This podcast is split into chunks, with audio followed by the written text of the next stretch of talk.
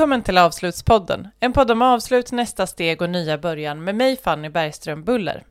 Är det första gången du lyssnar på podden? Ja, men då tycker jag du ska följa podden i din poddspelare och gärna sätta ett betyg på podden. Om du gillar det här samtalet som du snart ska få höra, då tycker jag också att du ska lyssna in de samtal jag haft med Pernilla Glaser, Isabelle McAllister och Joe McLeod. Den här gången ska vi dyka ner i något ganska snårigt. Vi ska prata om avslut av organisationer. Och ni kommer få möta Cassie Robinson som står bakom initiativet Stewarding Loss. Det här samtalet är på engelska. Välkomna!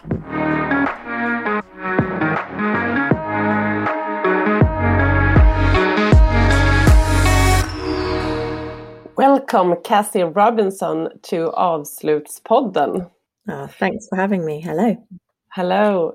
And uh, you're not in Sweden, right? no, I'm in um, I'm in southeast London. Yes. How are you in the pandemic? Are you sitting at home? Yeah, sitting at home. Um, but luckily, I I do live really close to Greenwich Park and Blackheath, so I have some big, big open vistas and the river not too far away as well. You are the you have um, uh, such an interesting biography, and I'm really glad that you're here the thing that we're going to talk mostly about is your interest that you as me are interested in endings and you are the one of the founders of an initiative called uh, stewarding loss which i will uh, talk more about uh, later or you will get to tell us about more later. Um, but you're also a founder of so many interesting things. For one uh, one of the things is um, the collective point people where you work with a systemic approach and uh, to the complexity of society today. That intrigues me a lot. Uh, I could talk for an hour just about that. Um, but you're also a deputy director of funding strategy at the National Lottery Community Fund, where you are responsible for innovation, policy, and practice. As a start, to get uh, to know your perspective and a bit more, I would uh, I would like to ask you the question: when you are in the end of your career, Cassie, what would you like people to tell about you and what you have achieved? Um, yeah, that's a big question.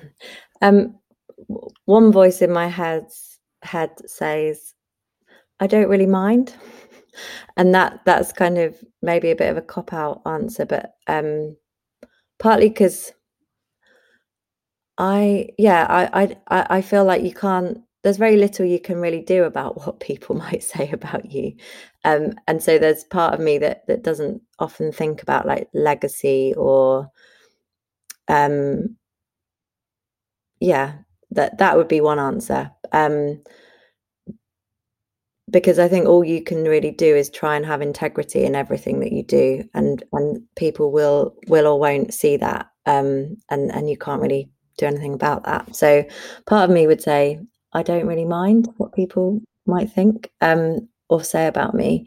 But the other voice would say, um, I hope that they would see how I have recognized um, the power that I have in some aspects of my work and that I've used my power um, like responsibly and with integrity. And through my work i have taken part in stewarding us from a dying system into a better you know better futures for for, for many people. Um you know i know joanna macy talks about you know we're in this period of the great turning.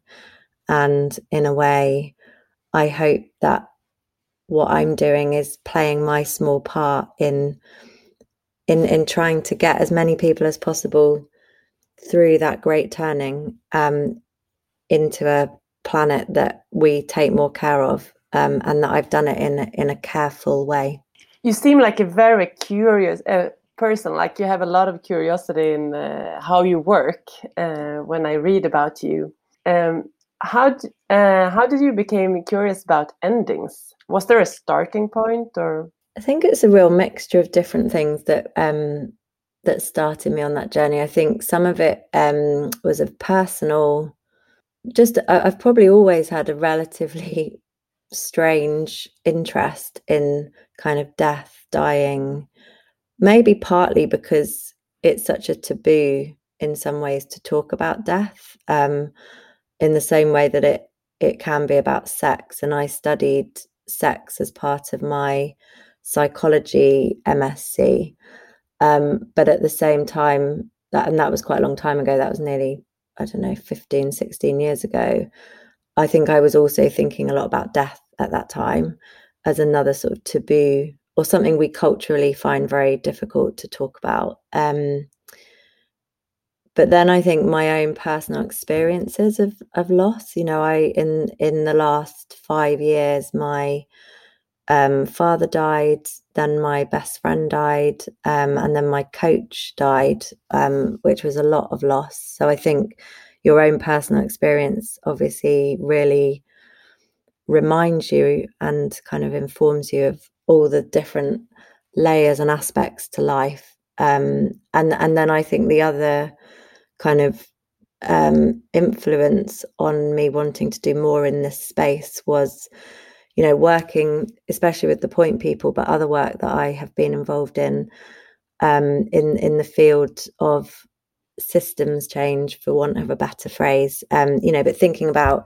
systemic work or regenerative work um it had felt in the systems change community the the one thing that wasn't really being looked at was yeah that like for for new systems to emerge um or for systems to change and everything is always changing anyway then things must be also needing to end um to to be dismantled to sort of disassemble um, and i wasn't really seeing there's there was a few people talking about that but it it felt often like the elephant in the room um, so that those were probably the three different things that led to me wanting to do more in this area uh, so do you do you believe that um, personal experiences are uh, i think is that a strong um, driver for curiosity and uh, the interest uh, in specific areas? I think so. I mean, I I'm sure there's someone has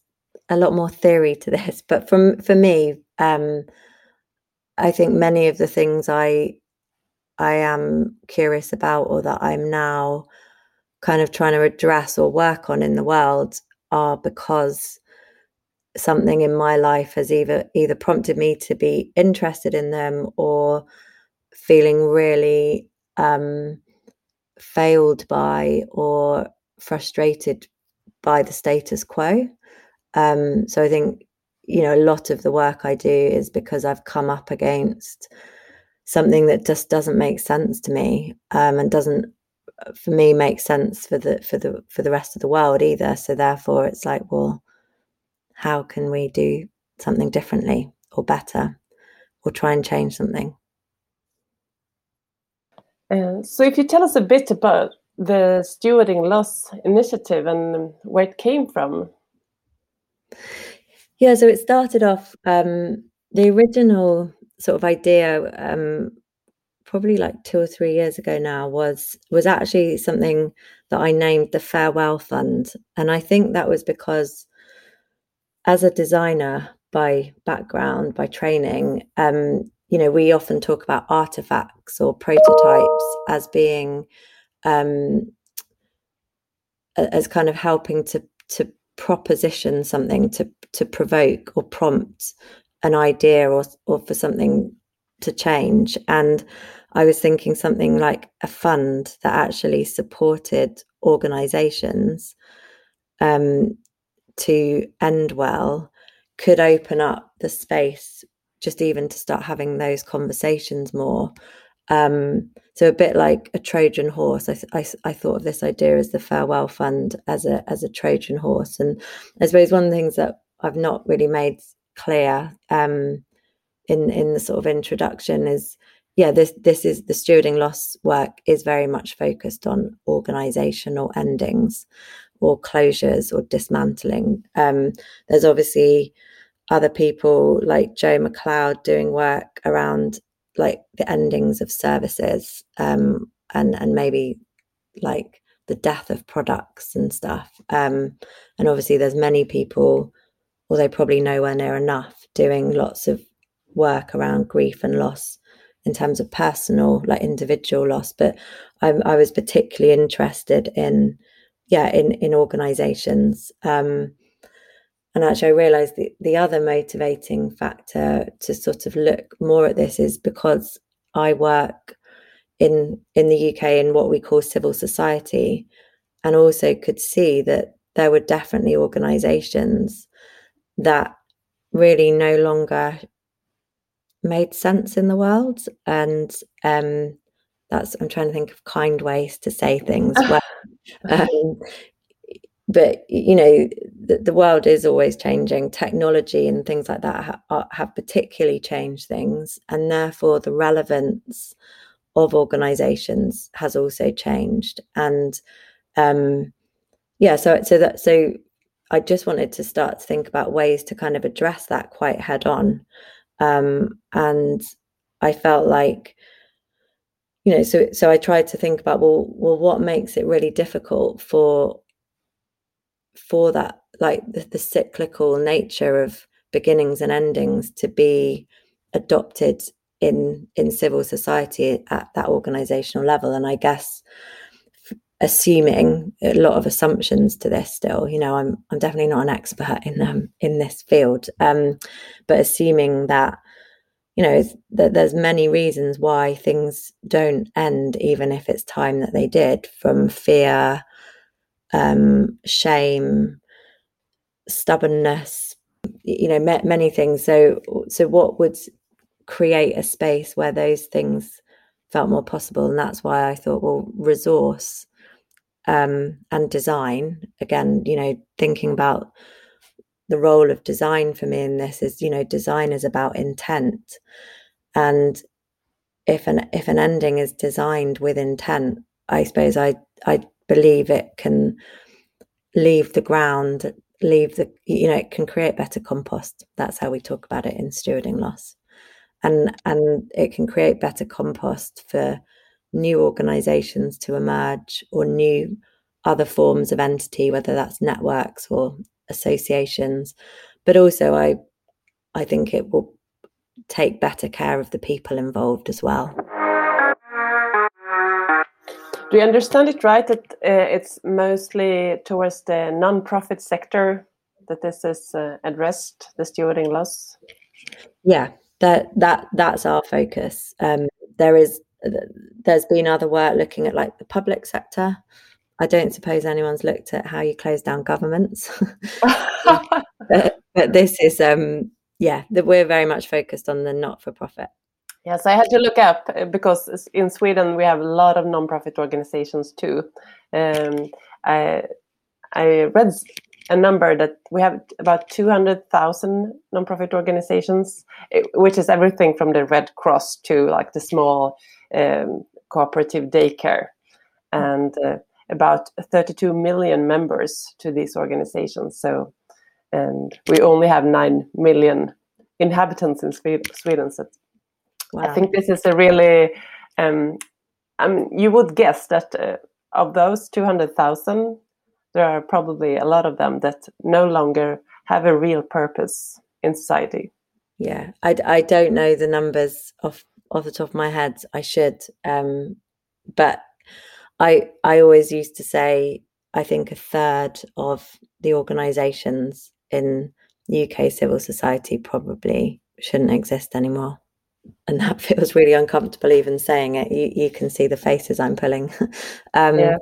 But yeah, there's uh, why would organizations that were set up 80 years ago still be relevant today? Some are.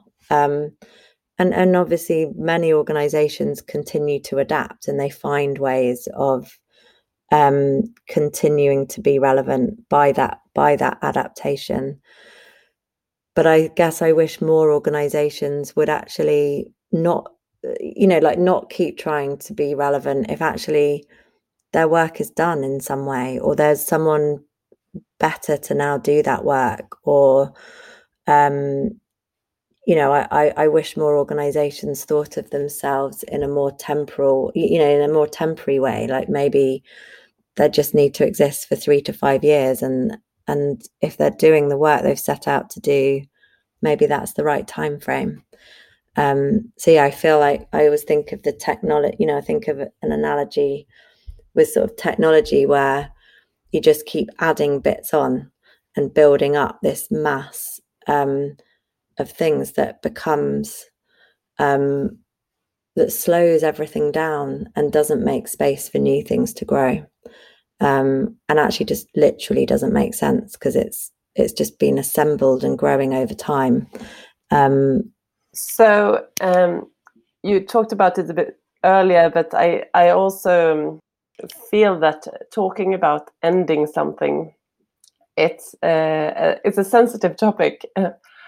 How do you feel that people how is the response when you talk about the stewarding loss initiative and endings i mean it's yeah it is it's very sensitive and i mean it, it's sensitive it's sensitive because we are also living in a pa- in pandemic times where there has been an enormous amount of loss i mean loss of all kinds but especially loss of human life so just even that has been really important to acknowledge. Um, I think also that that being having that awareness all the time of like, well, who who are we to say something should close down? I mean, that that it needs to obviously come from the people that are that are working in an organization.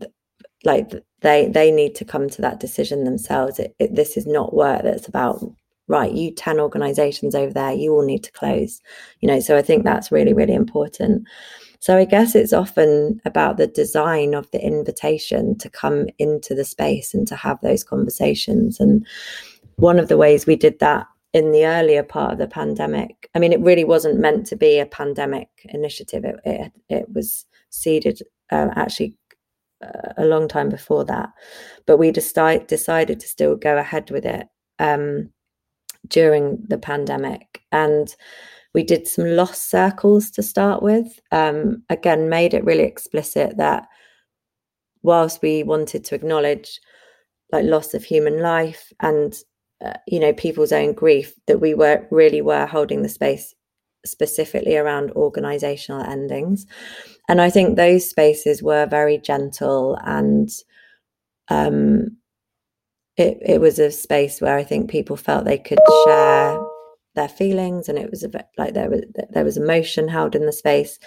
Um, i think some of it has been about us just doing more public conversation so that those felt quite intimate um, spaces. We've also started to do more talks and do talks in partnership with some of the infrastructure um, bodies in civil society in the UK because I think that just putting it in on those kind of platforms, I think has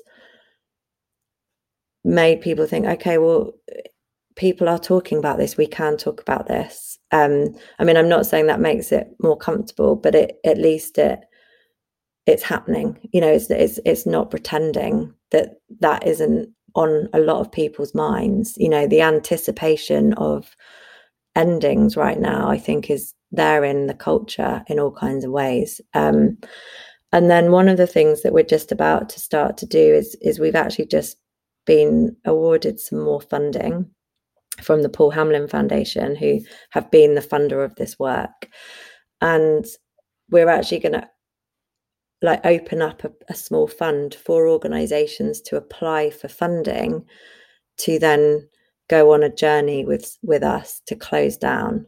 So we're we're working we've got some people that are coming in to do that work with us who are really skilled at kind of creative destruction they might say. I'm not sure if destruction is quite the right word but they are they have a lot of experience in kind of coaching and change work but they also um, sort of see creativity is a part of things ending and um, yeah so i'm really looking forward to us being able to offer actual resource for people to have the time to work with our associates to go through a more designed ending um, and that I think also makes it, you know, by just that off the offering makes it more um, acceptable or, or easier to kind of face up to.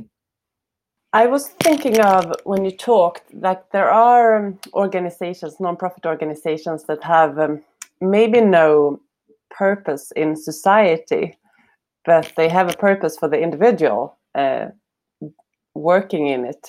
Um, voluntary as a volunteer um, where do you find like where do you can, can you see uh, that there is a purpose for an organization uh, in that sense too? I mean i think i think if, if you mean you know there's there's lots of oh, I suppose organizations can't stay in existence just because they have employees or volunteers. If the work that they're actually set up to do is no longer needed in the world the people that work there are still needed in the world. You know like it, it's how to make that distinction between an organizational form and the people that are in the organization. And i think part of the stewarding loss work and some of the materials we've created are to try and support the individual's journey through that through that loss. Um, and you know there there is of course even if the organization is no longer there the relationships between people the relationships with the people outside the organ they they can still exist. Um, and how you support people to to think about well where do they want to go next? What do they want to do next? You know like that's all part of the process. Um but i wouldn't i wouldn't want to see organizations staying in existence just to as a way of avoiding what is painful but but i do think necessary. Do you meet the feeling of failure uh, when you talk to uh, people about this? Yes definitely. Um, i mean i don't think of it as failure but but that the sense of shame or guilt or um, that's really there. I mean that that's one of the things that's been really hard actually is to find organizations that have closed down for us to be able to speak to and learn from because you don't really often see people um, sort of shouting out or writing about i've closed down an organization um, i mean i wish they would and because i i suppose i'm hoping we get to a place where more people share their experiences of closing down an organization well.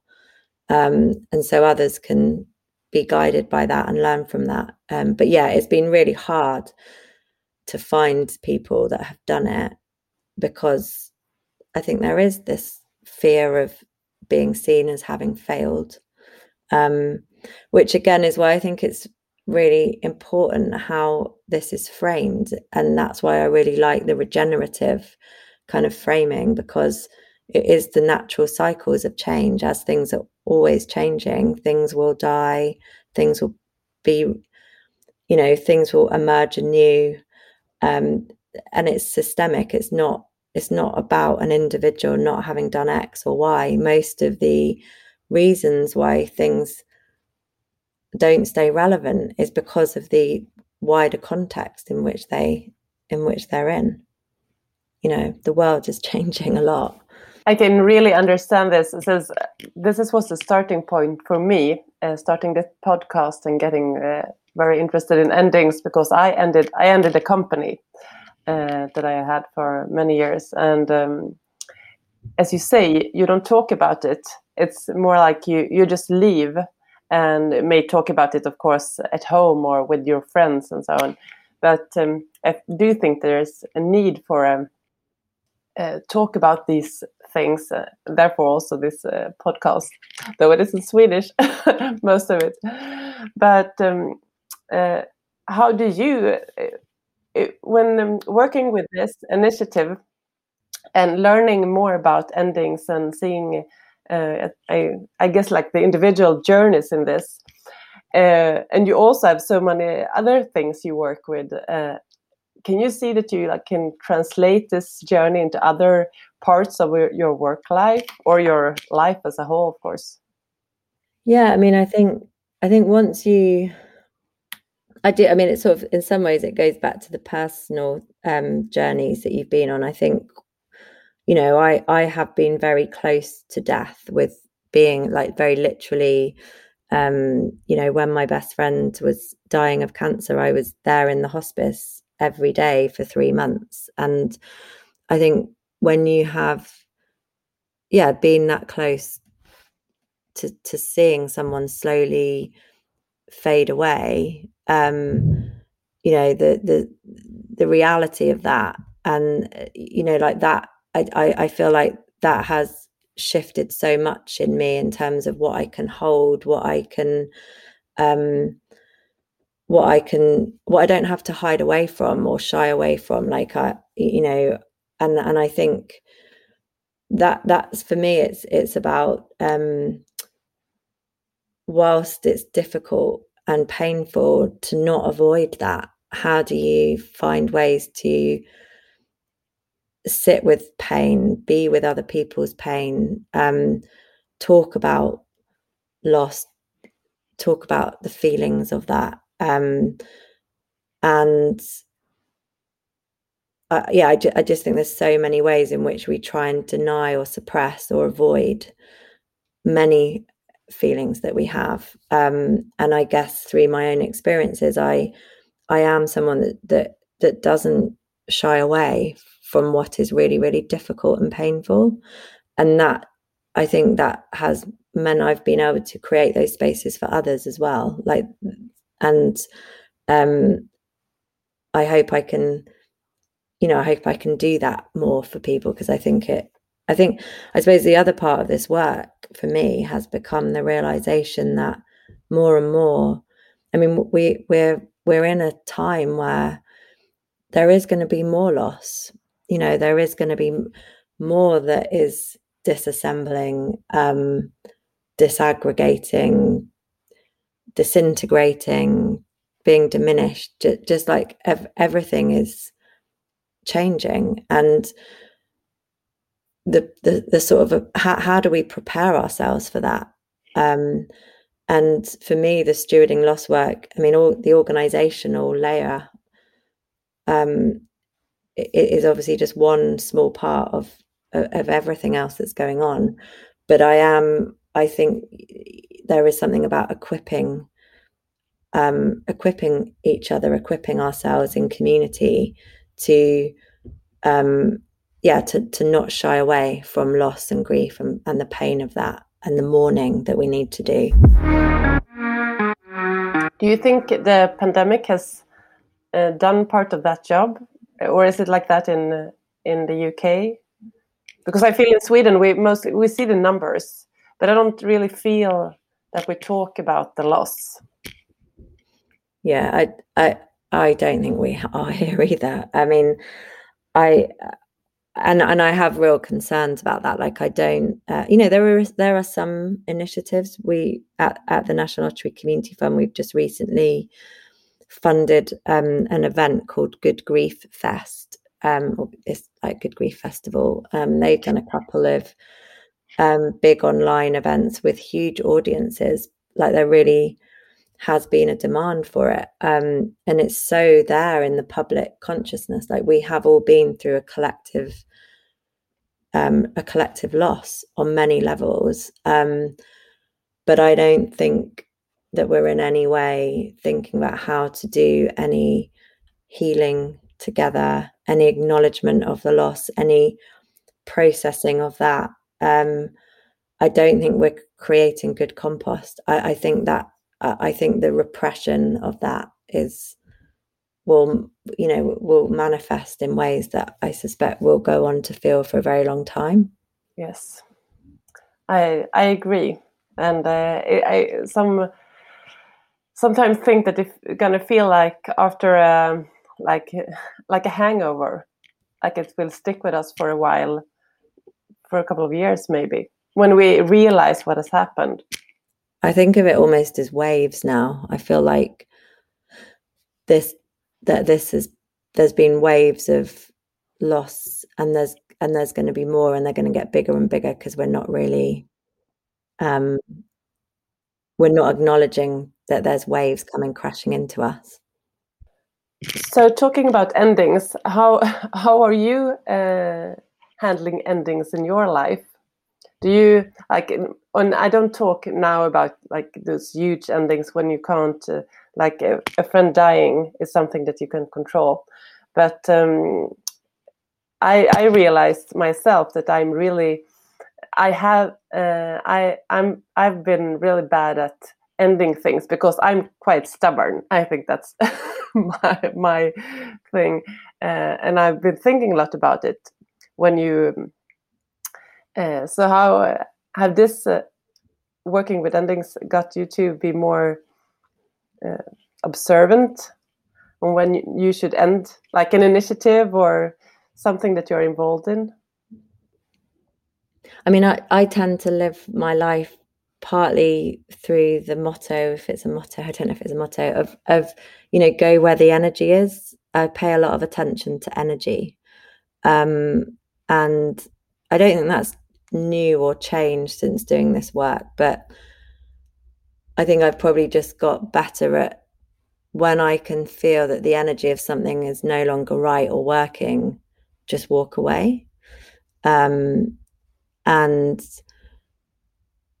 I think, you know, I've definitely learned that good like communication is so important within that. So, so again, like the how you do it is the thing that makes a difference between how painful or difficult it is. And then I think that um, that makes it possible to do it again and again. You know, it becomes a practice um, of recognizing when when the time when it's time to walk away but then yeah how to do it well and i suppose i've become more interested in like the embodiment of loss um like how or like the embodiment of endings how do you literally try and embody that and i again i i often i find water and waves very um, soothing.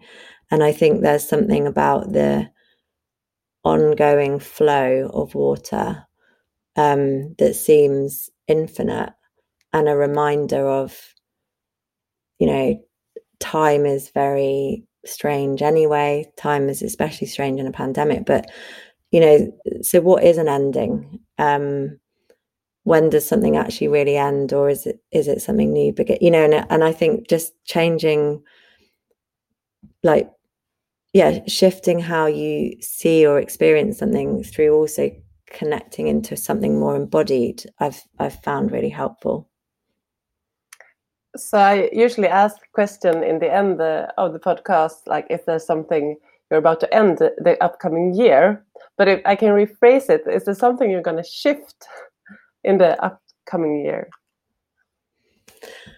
I think I think the main thing that's going to shift for me the rest of this year is is actually just a different pace. Like I've been working incredibly hard for the last year. There's been a lot of pressure, um, and I had to get a lot of things done for various reasons by particular deadlines. And I feel like I've done a lot of seeding. Um, and this year now i'm going to be tending to the soil i've done the planting and and that's been quite exhausting i've had to do a lot of hustling to even get the seeds into the soil and now they're in i can slow down go deeper um, and take more care sounds wonderful. And i do believe that many of us should need to do that especially in these times when there is maybe time to to um, to take more care about ourselves. But i think also it's hard because you feel maybe not as grounded because you there is a loss of friendship and social interaction and everything. Yeah there's a lot of reintegration to do yes so if uh, someone listening would like to read about you and get in contact or uh, interact with you, how would they do that best?